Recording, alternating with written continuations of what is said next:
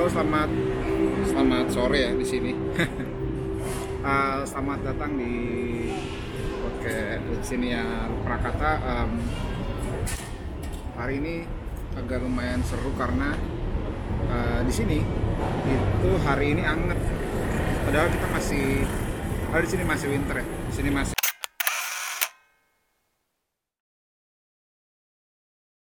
Halo, selamat datang di Senior Prakata uh, lagi. Tapi kali ini kita di luar karena hari ini kebetulan uh, lagi hangat. Jadi hari ini lagi hangat gitu, nggak tahu ya kemarin tuh masih dingin padahal kemarin saya ke kampus terus dia masih dingin gitu masih 2, 3, 1 gitu ya. Tapi hari ini tadi siang mendadak nggak mendadak ya nggak tahu mendadak nggak tahu nggak cuma hari ini 9 uh, 16 jadi biasanya saya kampus pakai coat baju dingin gitu jaket tebel hari ini cuma pakai sweater pakai batik tetap tapi kali ini pakai sweater. Uh, karena udaranya hangat jadi jarang pakai sweater pakai cat bisa pakai boots. Nah di hari yang di, di hari yang indah ini ya uh, saya mau bahas beberapa hal. Uh, ini kemarin sebenarnya isunya udah agak lama uh, bicara tentang transportasi publik. Uh, di mana postingan Kompas uh, postingan dari Kompas bukan postingan artikel Kompas tanggal 3 Februari 2022 itu yang bilang bahwa 8,8 juta warga Jabodetabek sulit, sulit akses transportasi publik. Di mana uh, di sini Kompas bilang bahwa ada di DKI Jakarta itu ada 96,1 persen atau 8,6 juta orang yang terlayani transportasi publik. Sedangkan Jabodetabek lain Jabodetabek lainnya tuh enggak kayak kota Bekasi hanya melayani 32 persen. Uh, Kabupaten Bekasi hanya melayani 23,2 persen. Uh, Kota Bogor hanya melayani 54,2 persen. Kabupaten Bogor uh, melayani 21,1 persen. Um, Depok melayani 21,5 persen, Tangerang 34 persen, Tangsel 36,2 persen, dan Kabupaten Tangerang cuma melayani 4,5 persen. Gila, kecil banget.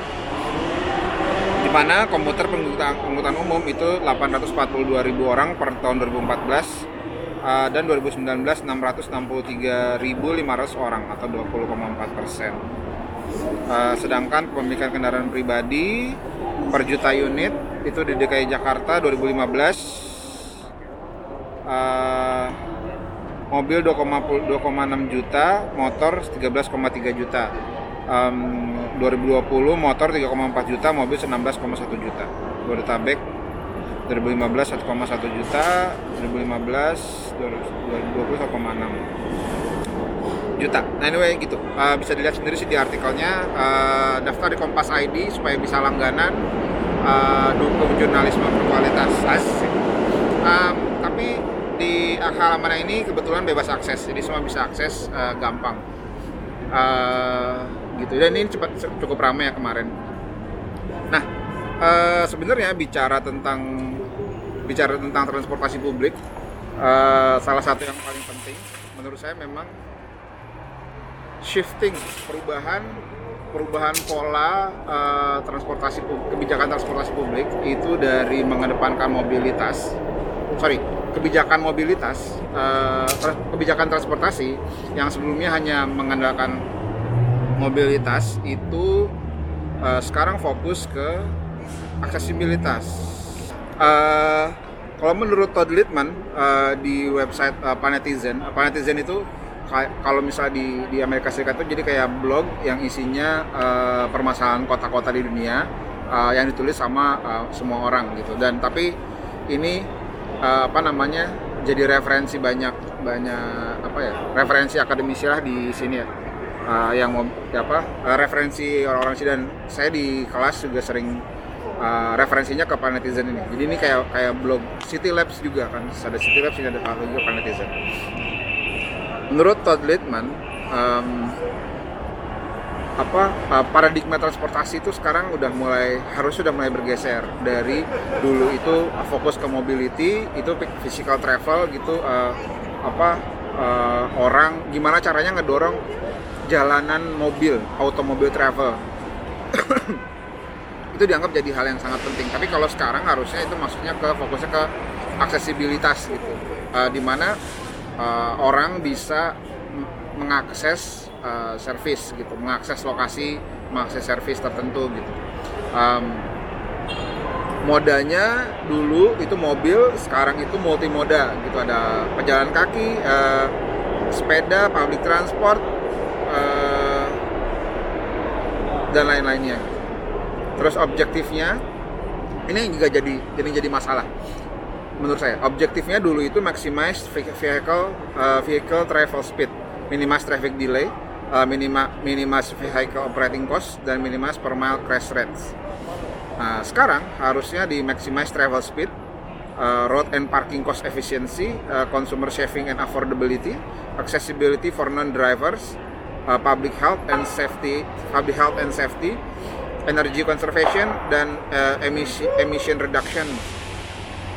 Uh, terus efficient land use um, densities kepadatan.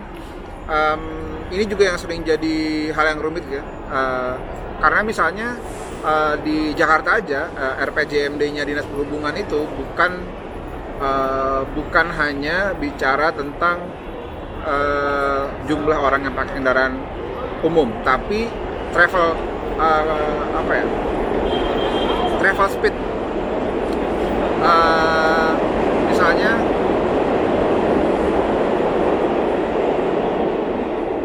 uh, misalnya travel speed itu misalnya jalur Sudirman Tamrin itu minimal 35 km per jam gitu, atau misalnya 40 km per jam rata-ratanya sekian kilometer per jam gitu um, sehingga yang ditujunya adalah gimana mengurangi uh, kemacetan gitu mengurangi mengurangi kepadatan uh, apa jalan gitu. Makanya yang dibangun JPO uh, yang dibangun jalan layang yang dibangun uh, jalan satu arah dan segala macamnya gitu. Karena fokusnya adalah mengurangi uh, travel time dari kendaraan. Eh sorry mengurangi travel time dari kendaraan dan mengurangi speed uh, maximize vehicle travel speed gitu. Itu dulu gitu. Nah sekarang harusnya uh, fokusnya adalah ke uh, berapa warga yang dilayani gitu makanya artikel Kompas tadi itu keren banget untuk ngasih fakta bahwa memang harusnya ini yang dikerjakan. Um, terus impact uh, considernya itu travel speed tadi, uh, travel speed, delay and delay, vehicle operating cost. Jadi semakin efisien, semakin bagus, uh, makin efisien kan tadinya makin jarang macet. And crash. Terus impact considernya yang sekarang itu harusnya various economic, social, and environment impact, including indirect impact. Favor transport improvement option itu roadway capacity expansion. Jadi um, bikin jalan layang uh, gimana caranya mengurangi kepadatan di Semanggi gitu. Bukannya bikin kemudahan uh, transportasi publik um, tapi yang dibangun adalah uh, simpang susun misalnya kayak gitu. Uh, itu sudah masa lalu um, sekarang itu harusnya multimodal transport improvement, walking, cycling, public transit, uh, terus transportation demand management, more accessible land development, uh, mobility substitute such as networks. Terus uh, performance indicatorsnya adalah vehicle travel speed eh, dulu ya, yang dulu vehicle travel vehicle travel speed, uh, roadway level of service, distance based crash and emission rates. Sekarang itu artinya overall accessibility number and service and activities that can be reached within a given time period multimodal loss, uh, level, multimodal level of service, uh, various economic, social, environment impact. Nah, gitu kira-kira. Jadi uh, fokusnya adalah ke multimoda, uh, gimana masyarakat bisa akses, bisa mengakses lokasi tersebut, bukan uh, gimana mobil jalan lebih cepat. Nah, ini juga disebut uh, di apa ya? Uh, ditulis oleh uh, Jared Walker, um, professional block and public transit uh, consultant. Uh, Jared Walker tuh bilang uh, sebenarnya uh, akses access is your ability to go places so that you can do things. Jadi kalau kalau menurut mereka kalau menurut dia adalah kota yang bagus itu adalah di mana uh, kamu bisa terlayani hanya dengan jalan kaki. Kayak misalnya gini, kamu berdiri di suatu titik, jalan ke utara, barat, timur, selatan. Dalam 45 menit jalan yang bisa diakses? Misalnya uh, dalam 45 menit jalan kaki itu ada puskesmas, ada rumah sakit, ada apa namanya uh, pertokoan, ada sekolah, ada tempat pekerjaan bisnis gitu.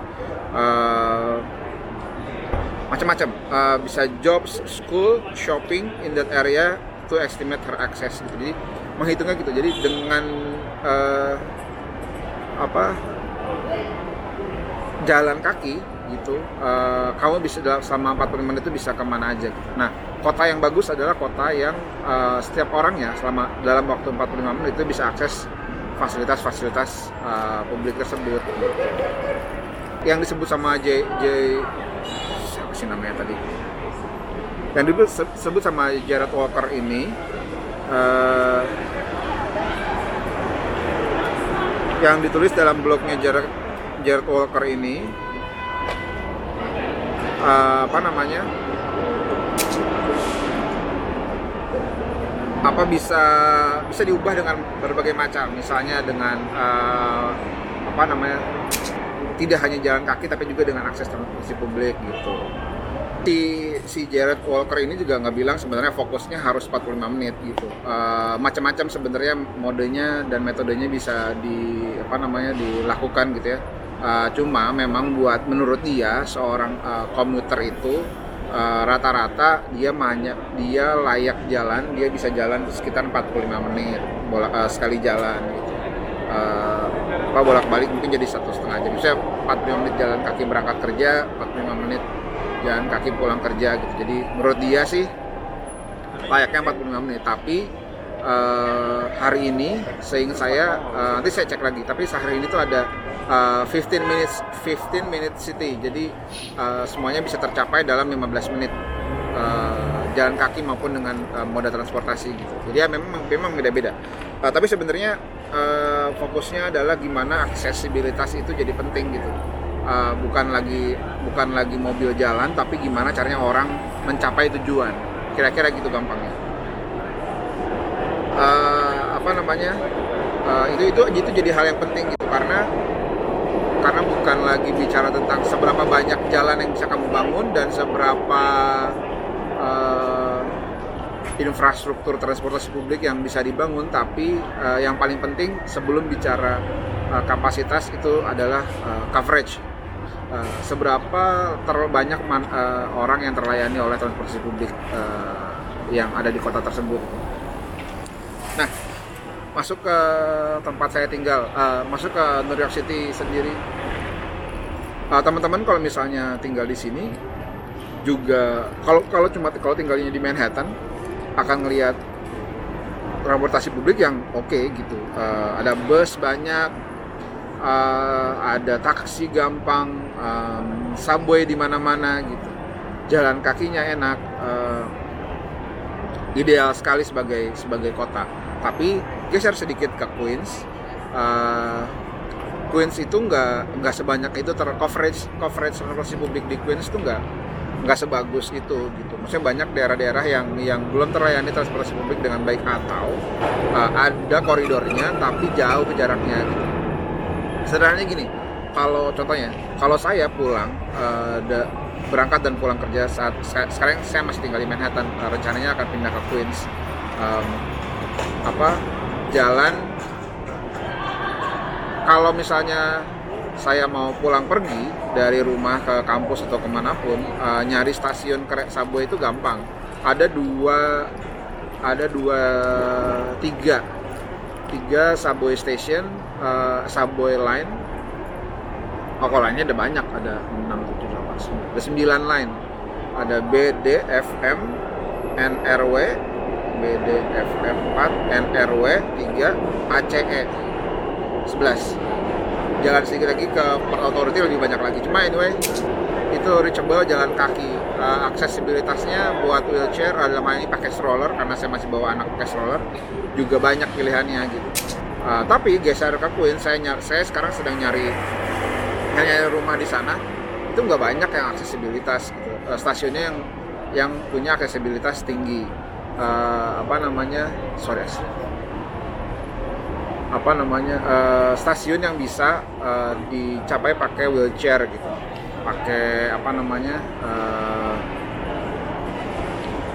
stroller gitu nggak banyak gitu. Pilihannya cuma sedikit dan dan kadang-kadang jalannya juga lebih jauh gitu. 5 blok 6, 4 blok dari dari rumah sampai public transport gitu. kalau dalam hal ini koridor MRT eh koridor subway line subway-nya itu cuma cuma sedikit nggak sebanyak uh, waktu tinggal di Manhattan.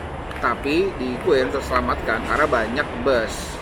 Banyak bus-bus yang bisa uh, membawa saya ke uh, metro ke subway gitu. Nah itu nah itu baik lagi. Apa namanya uh,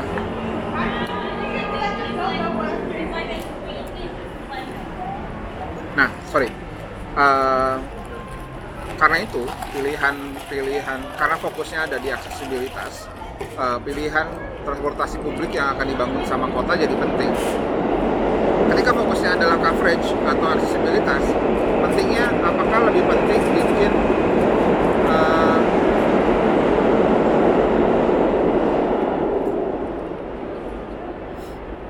ketika fokusnya ketika fokusnya ada di transportasi publik uh, aksesibilitas uh, pilihannya jadi lebih penting mana uh, bangun jalur kereta yang harganya mili, uh, miliaran bahkan triliunan atau bangun atau perbanyak um, bus atau bikin BRT line gitu uh, di sana gitu di kota tersebut gitu. itu itu jadi pilihan yang sangat penting gitu nggak uh, bisa lagi uh, wah pokoknya harus bangun kereta. Oh pokoknya harus bangun LRT oh pokoknya harus bangun.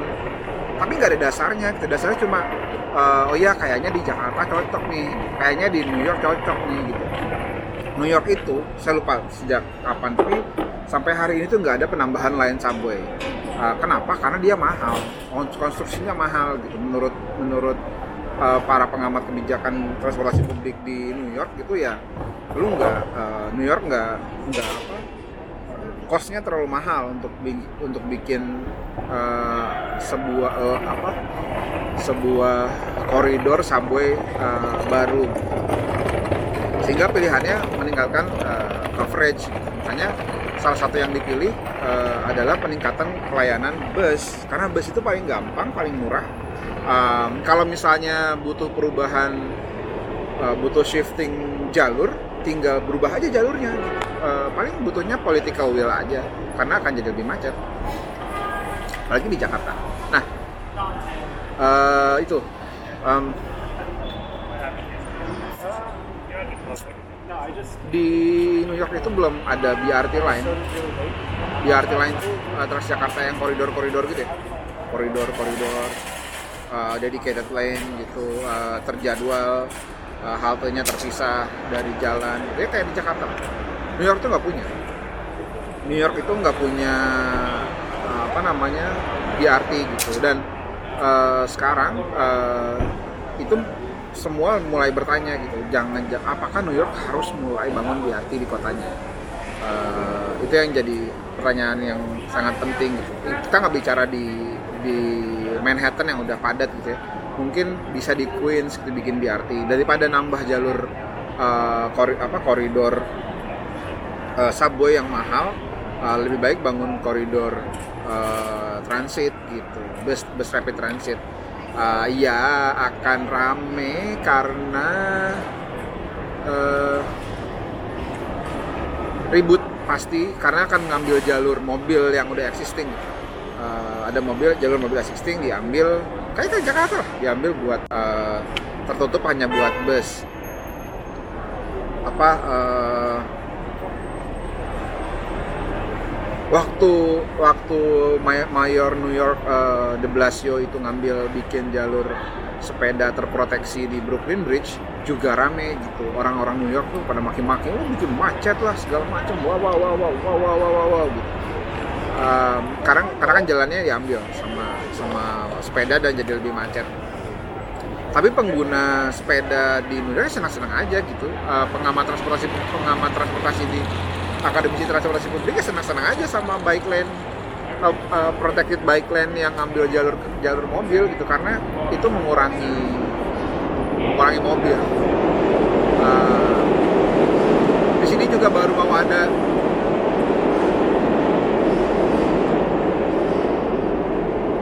sini juga baru mau ada congestion pricing uh, kayak ERP gitu. Uh, jadi nanti semua mobil yang masuk Manhattan itu akan bayar 15 dolar uh, sekali masuk. Uh, apa namanya juga rame.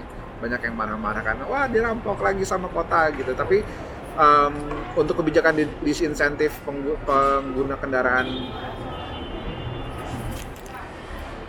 untuk kebijakan insentif uh, pengguna mobil itu menurut saya sih bagus-bagus aja.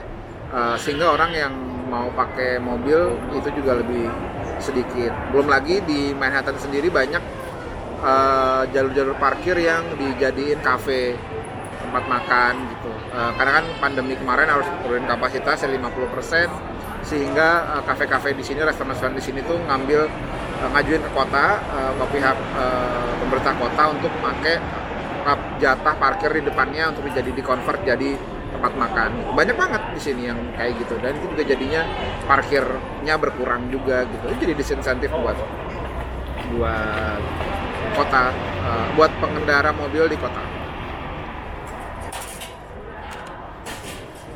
Nah um,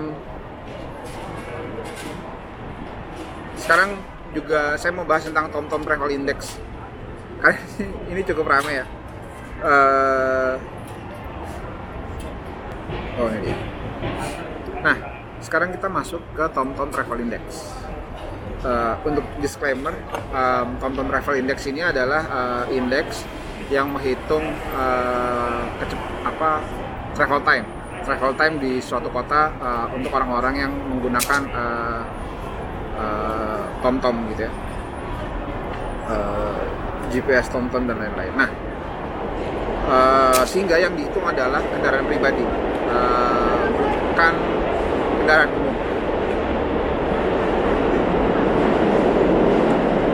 yang mana menurut saya uh, saya sih nggak terlalu suka sama indeksnya karena yang dihitung adalah kendaraan pribadi. Tapi anyway sebenarnya yang jadi perdebatan penting. Nih. Orang-orang itu pada bilang bahwa wah Jakarta turun. Uh, TomTom traffic indexnya uh, pasti karena pandemi. Betul. Ketika kita bicara di 2020. Nih, kita lihat ya. Kalau ngomongin uh, congestion levelnya 2020, how congested was Jakarta? Um, Jakarta di 2009 di 2019 kemacetannya itu 53 persen. Uh, 53 persen kemacetan uh, di 2020 itu 36 persen di 2021 itu 34 persen uh, turun terus gitu uh, kemacetannya tentu kalau kita bicara 2020 itu um, itu bertepatan sama tahun 2020 itu sama ppkm uh, psbb ppkm pembatasan aktivitas karena covid. Uh, hampir semua di di Jakarta aktivitas berhenti gitu. Mall berkurang, orang ke mall berkurang, uh, yang sekolah uh, eh, WF, sekolah school from home, uh, sekolah dari rumah, yang kerja kerja dari rumah gitu, kecuali yang sektor esensial, sehingga wajar kalau uh, kemacetannya itu menurun uh, tingkat kemacetan. Ini kita baru lihat, kita baru lihat satu kota ya, belum membandingkan sama kota yang lain. Uh, lalu di tempat saya tinggal New York, New York itu 43 uh, kemacetannya, 21 persen di atas Jakarta, uh, 35 persen Jakarta 34 persen. New York itu pada 2019 tingkat kemacetannya itu 37 persen. Uh, congestion New York, congestion level New York itu 37 persen. 2020 uh, setelah PSBB dia menurun, uh, di sini bukan PSBB namanya uh, lockdown uh, dan pembatasan uh, uh, aktivitas itu menurun jadi 26%.